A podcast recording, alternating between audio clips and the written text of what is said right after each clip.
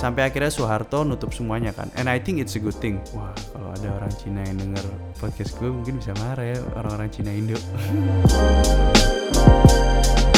My heart broken sih setiap kayak gue denger orang Papua disamakan dengan binatang karena kulit mereka. Itu gue sedih banget.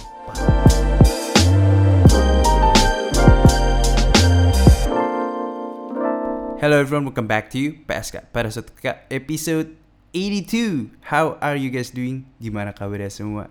So, ya yeah, last week ada sesuatu yang gede terjadi ya kan uh, George George Floyd case yang di mana dia tuh waktu itu dia waktu itu ditangkap dihajar bukan dihajar sih uh, officernya kneeling di necknya dia sampai dia akhirnya mati dan dia udah minta mohon untuk dilepasin dia nggak bisa nafas segala macam.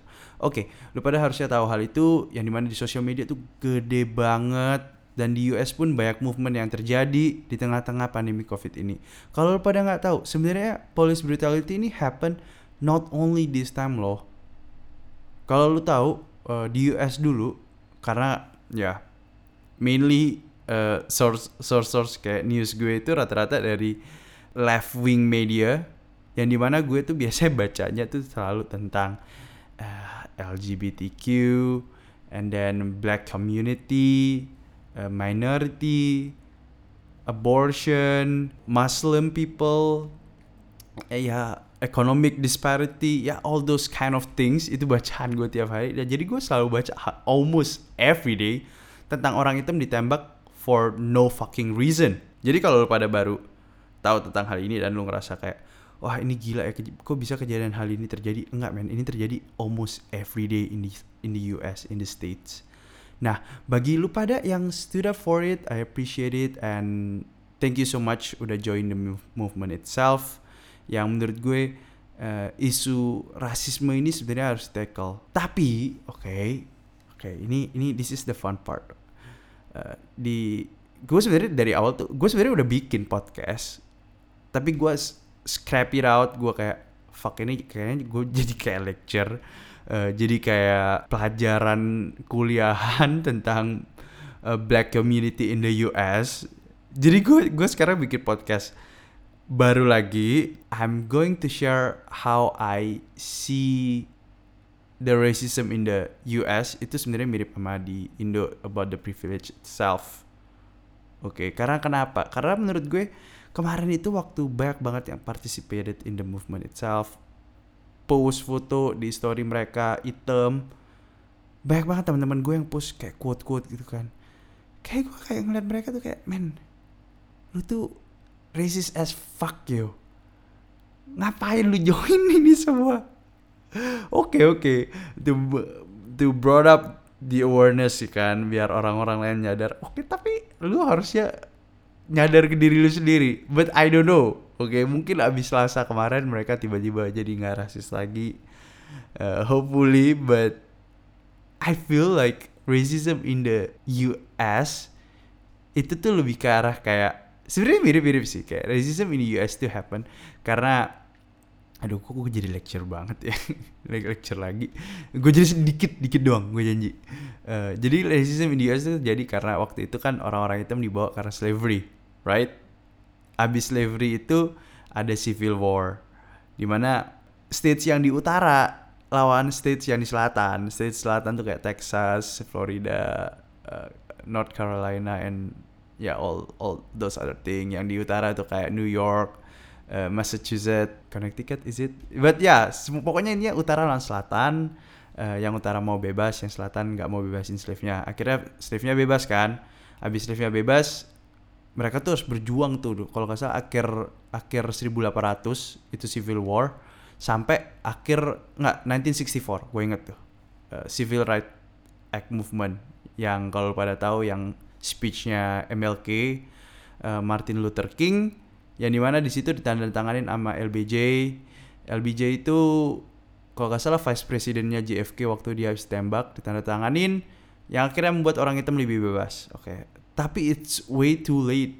Yang di mana orang-orang hitam yang awalnya udah mulai dari slave dari akhir tahun 1870 sampai 1964 itu mereka ada namanya Jim uh, Crow Law yang di mana tuh ada namanya segregation law yang di mana kayak mereka tuh nggak bisa dapat kerjaan yang sama kulit, sama kulit putih nggak bisa tinggal uh, di apartemen yang sama mungkin.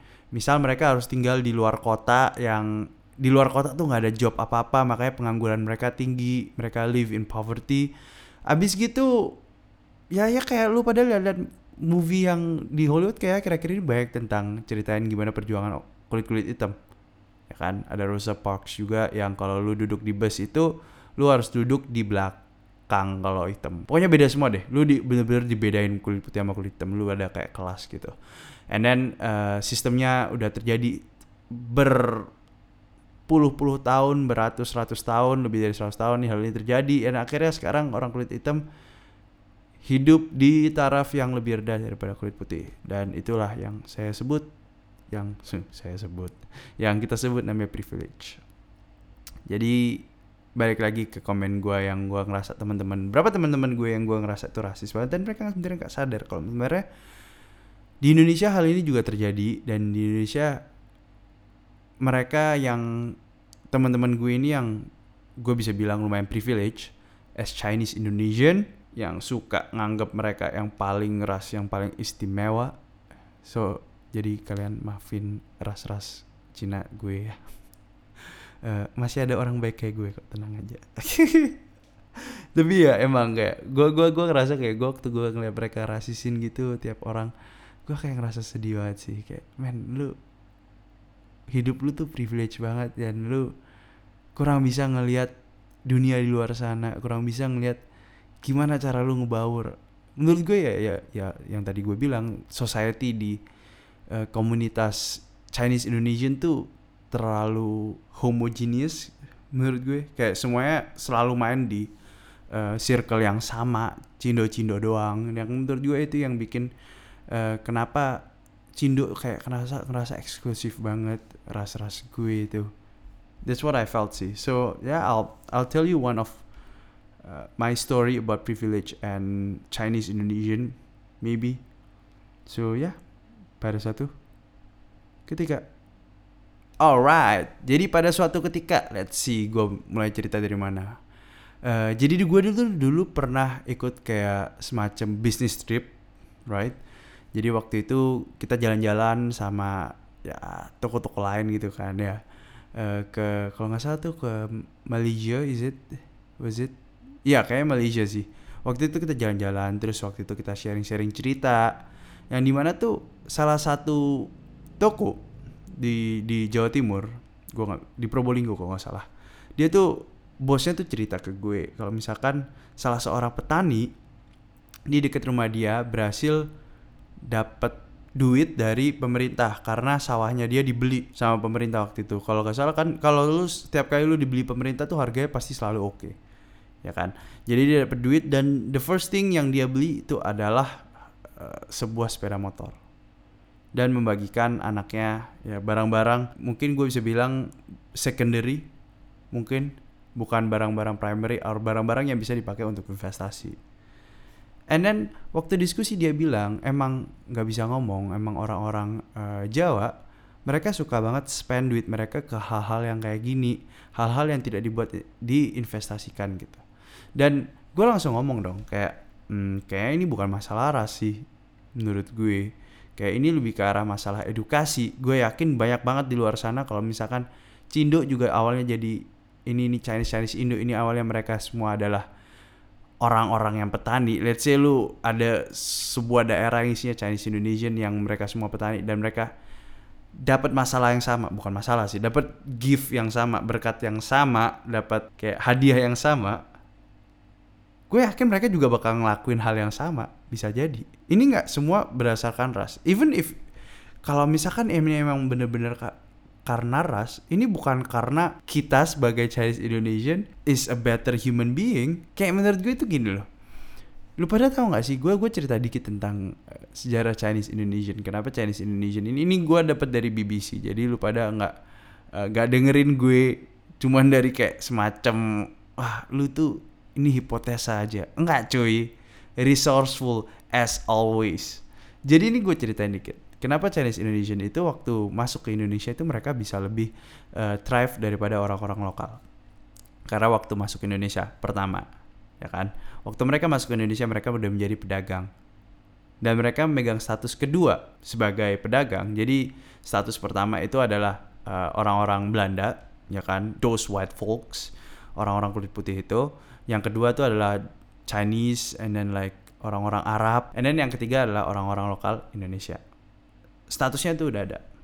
Jadi sewaktu Chinese masuk ke Indonesia mereka udah ada duit right? Mereka udah tahu dagang right? Sedangkan orang-orang Indonesia mereka mulai dari awalnya ya petani. Kalau enggak mereka lagi bangun negara kayak Soekarno mungkin. Itu yang membuat kenapa uh, dari cara mendapatkan duitnya aja udah dapat advantage. And then waktu mereka datang dari Cina mereka lebih educated well developed dan Indonesian. Dan sewaktu mereka datang mereka udah dapat advantage ini mereka kan biasanya ngajak temennya. Jadi grandpa gua uh, my granddad awalnya datang dulu diajak sama nggak tahu siapa gitu kan yang let's say mungkin pedagang yang udah gede uh, di Indonesia di invite buat datang buat bantuin dia. Akhirnya datang granddad gue uh, dan granddad gue kerja sama ini orang kan.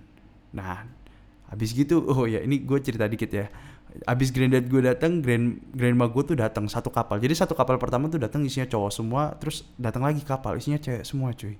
Terus habis itu dijodoh-jodohin gitu lucu banget. Ya. jadi gue lanjut lagi nih. Uh, grandpa gue kan datang dari Cina kan. Kerja buat this uh, Chinese people yang gue nggak tahu siapa. Nah this Chinese people ini obviously mereka udah berdagang mereka udah lebih experience dalam hal cari duit dan ngatur duit. Nah, sedangkan Chinese Indonesian ini sendiri mereka kan biasanya suka uh, ngumpul sama Chinese Indonesian aja. Bener kan? Nah, waktu Chinese Indonesian ngumpul ini kan mereka ngumpul biasanya berarti sama pedagang-pedagang. Jadi, lu pada tahu kan kalau misalkan lu mau excel in one thing, lu tuh harus join orang-orang pinter in that expertise. Jadi misal nih, lu mau karir lu bagus, lu sering datang meeting, lu sering datang forum, lu sering kenalan sama orang, koneksi lu gede dan segala macam.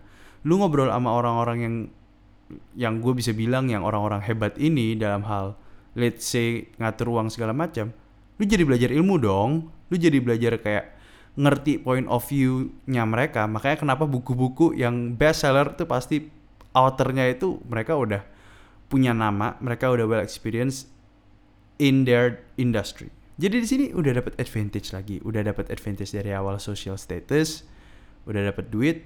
Yang ketiga mereka dapat uh, knowledge yang lebih daripada orang-orang orang-orang lokal Indonesia. Kalau lu pada nggak tahu lagi yang buat gapnya lebih jauh lagi lu pada tahu kan? Kalau misalkan dulu itu sekolah negeri itu jelek banget. Sistemnya tuh bobrok banget waktu pertama kali uh, awal-awal kemerdekaan nah banyak banget orang-orang Cina yang udah tajir pedagang pedagang-pedagang itu mereka bikin sekolahan sendiri jadi mereka nyumbang bikin yayasan bikin sekolah terus mereka juga dapat dana dari Cina Oke, okay, sampai akhirnya Soeharto nutup semuanya kan. And I think it's a good thing. It was a good thing. Wah, kalau ada orang Cina yang denger podcast gue mungkin bisa marah ya orang-orang Cina Indo. Bokap gue kalau gue ngomong ini kayak marah deh. But I I I I firmly believe it was a good thing. Lu tau gak sih kenapa? Karena menurut gue waktu itu yang gue bisa rasain kayak dari bokap gue yang yang sekolahnya dari awal di sekolah Cina dia itu rasa patriotismenya itu lebih ke arah Cina dia tuh lebih ke arah kayak uh, kayak gue ngerasa ada unsur-unsur komunisme di sekolah-sekolah Cina gitu deh jadi makanya kenapa boomers-boomers uh, Chinese Indonesian itu mereka patriotnya tinggi banget ke Cina entah kenapa. Jadi mereka selalu baca media-medianya media-media dari partai komunis Cina gitu. Kayak menurut gue kayak the fuck? Lu tinggal di Indo tadi tapi ya that's that's how I felt about it. Nah menurut gue it was a good thing. Soeharto nutup. Akhirnya terjadilah namanya asimilasi. Kenapa? Makanya orang-orang uh, the younger generation akhirnya sekarang bisa lebih ngakuin dirinya sebagai yo mungkin ras gue Cina tapi gue I'm 100% Indonesian like me. I'm 100% Indonesian. Nah itu menurut gue it was a good thing. Nah itu tuh sekolah-sekolah yang sebenarnya dibangun sama these Chinese people itu kualitasnya lebih bagus cuy. Bokap gue sendiri ngakuin hal itu dan waktu lu pada bisa baca di internet it's all over the internet kayak sekolah kualitasnya tuh emang jauh lebih bagus daripada sekolah negeri pada saat itu Nah makanya ini advantage-nya udah lama makin lama makin menjauh makanya kenapa yang kaya makin kaya miskin makin miskin. Oke. Jadi di sini lu pada bisa ngeliat sebuah uh, advantage atau mungkin gue bisa bilang privilege buat Chinese Indonesian in younger generations. Mereka udah punya segala sesuatu yang mereka punya dan social statusnya itu karena sekarang sudah terjadi sistem ini kan udah berjalan tahun-tahunan kan di Indonesia. Yang makanya sampai sekarang sendiri Chinese Indonesian masih believe that they are very exclusive. Apalagi kalau yang di daerah-daerah ya. Mungkin kalau di Jakarta udah mulai enggak karena mereka udah mul lebih multikultural dan gapnya itu nggak gitu jauh. Ada Chinese Indonesian yang uh, nggak gitu tajir dan ada orang Indonesian like Japanese people yang jauh lebih tajir dari mereka tapi sekarang kalau daerah tuh enggak men daerah tuh masih banyak banget uh, Chinese Chinese itu yang masih kuasain bisnisnya karena mereka jadi pedagang buka toko segala macam. Nah sebenarnya nih kayak kalau lu mungkin nanya sekarang kayak kenapa sih uh, these Chinese people tetap ngerasa mereka eksklusif meskipun udah berapa tahun dan dari tadi yang gue omongin itu semuanya balik lagi ke uang, uang dan uang. The thing is yang bisa jadi tolak ukur sebenarnya itu di dunia ini ya mau nggak mau ya uang kayak these social issues happen yang lu lihat di US itu karena masalah keuangan, masalah di mana economic disparity, economic inequality. Ini nih sebenarnya yang jadi permasalahan utama kita kenapa adanya uh, ada kelas yang berbeda di setiap grup, di setiap ras itu ada kelas-kelas yang berbeda. Itu karena economic gapnya terlalu jauh, men. Makanya gue dari dulu selalu bilang, ke bokap gue dan bokap gue nggak pernah percaya sampai sampai sekarang. Kenapa negara lain itu bisa kayak contohnya Malaysia ya kenapa bisa uh, Chinese-nya sama Malay-nya itu lebih bersatu daripada di Indonesia? Karena kalau misalkan di Malaysia itu tuh mereka udah sama level mereka tuh udah sama. Chinese-nya sama orang-orang Malay itu tuh mereka udah secara ekonomi mereka udah selevel cuy. Itu ya selalu gue omongin ke orang-orang. Tapi orang-orang kadang yang pernah percaya gue kayak mereka udah bilang kayak gini lu bayangin aja kita sekarang uh, ada duit aja kita sebagai Chinese Indonesian kita dirasisin bayangin aja kalau misalkan kita uh, selevel sama mereka. Mungkin kita bisa tendang-tendang sama mereka. Enggak man to solve this racial issue itu sebenarnya oke okay lah racial issue selalu bakal selalu ada. Tapi to minimize isu ras ini adalah dengan kita harus close the economic inequality. Dan ini hal juga terjadi di Indonesia. Lu nggak usah jauh-jauh ngeliat di US uh, tentang black and white community. Ini juga terjadi di Chinese Indonesian and Indonesian people. Kalau lu masih nggak percaya gua kasih contoh lain oke? Okay? uh, lu pada pasti ngeliat orang-orang uh, Papua yang videonya itu yang waktu black community ini movement ini terjadi uh, orang-orang Papua pada bilang kayak mereka juga seharusnya di respect dan di situ tuh itu gue kayak langsung kayak shit nih nih nih lu pada nih yang biasanya panggil uh, orang-orang Papua ini dengan sebutan ini. Banyak man itu gue jujur aja my heart broken sih setiap kayak gue denger uh, orang Papua disamakan dengan binatang karena kulit mereka. Itu gue sedih banget parah sedihnya. Masih banyak banget teman-teman gue gue masih inget sih waktu SMA dulu waktu itu ada uh, di Surabaya itu ada namanya event DBL kan. Terus waktu DBL banyak banget uh, kayak player yang kalau nggak salah NBL masih banyak sih. Kan kayak African people African American gitu kan mereka jago basketnya kan. Karena mereka punya better fisik than us. And then waktu mereka jalan gue masih inget banget tuh waktu di SMA mereka bilang ih gila ya orang itu hitam banget. Either dikatain kayak mereka kayak arang atau mereka dikatain kayak monyet. And that's really bad. Dan hal ini juga terjadi di menurut gue terjadi juga di orang-orang Papua di Indonesia. Dan balik lagi menurut gue ini karena social system yang udah salah. The economic inequality yang udah terlalu jauh. Kalau lu pada nggak percaya nih kalau ada seseorang ya kan? Kalau lu pada tahu di Papua tuh banyak banget orang Madura dan orang Jawa Nah, orang Papua dan orang Jawa itu mereka selalu ngerendahin orang Papua waktu di Papua sendiri. Dibilang orang Papua males. Orang Papua kerjanya cuman bisa minum-minum dan bikin onar segala macam. dan orang Papua sendiri sering jealous sering marah sama orang-orang Jawa dan Madura yang sering ke situ dan mereka bikin bisnis mereka dagang uh, mereka lebih educated maybe not maybe definitely karena di Jawa lebih develop habis itu mereka datang ke Papua mereka bikin bisnis. Mereka akhirnya dirasisin. Same thing with like uh, white people and black community black people African American Caucasian in the US and African American in the US Chinese Indonesian and Indonesian uh, like Japanese people. Terjadi lagi with Japanese people and uh, these Melanesians people atau Papuas Papuans is it? The yeah but yeah the the issue is still the same still persist no matter what dan gue pengen lo kayak nyadar akan hal ini. Kalau lo pada mau stand out for stand up for like this African American community you should start it from your own country which is our beloved country Indonesia mungkin lu bisa stop memandang memandang rendah orang-orang uh, yang berbeda ras dengan lu. Karena waktu privilege itu diambil sebenarnya kita semua tuh sama. Gak ada bedanya lo kita itu sebenarnya. So yeah. Uh, I guess that's it for the podcast today. Hopefully lu pada belajar something lu pada dapat perspektif baru. Mungkin lu pada uh, bisa pakai cerita tentang petani dan privilege ini ke orang lain. And you should appreciate no matter what lu lu misal dapat privilege you appreciate it. Uh, ya tetap aja lu dapat advantage. Tapi yang paling important itu adalah gimana cara lu respect orang lain. I mean kalau gue bisa singgung dikit tentang African community di Amerika itu emang rada susah karena kayak gini. Uh, polisi itu sebenarnya takut waktu mereka ngeliat orang-orang African American. Kenapa mereka suka racial profiling this black community? Kenapa coba?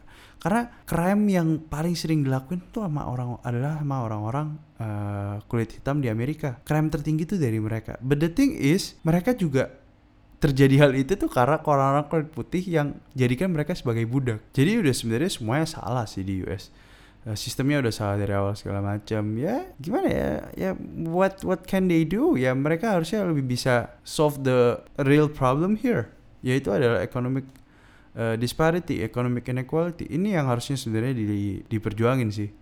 Karena waktu hal ini meningkat semuanya akan lebih baik-baik aja. Tapi kalau misalkan uh, kita cuman tackle bagian police brutality-nya ujungnya bakal keulang terus. Kok gue jadi lanjut cerita lagi sih? But yeah that's it guys for the podcast anyway. Uh, thank you so much for listening. Uh, don't forget to follow PSK Podcast on Instagram. Don't forget to DM me kalau pada cerita apa yang mau gue ceritain di podcast. Karena itu bakal cut waktu drafting gue meskipun sekarang gue ngedraft akhirnya. So yeah I'll see you guys next week and see ya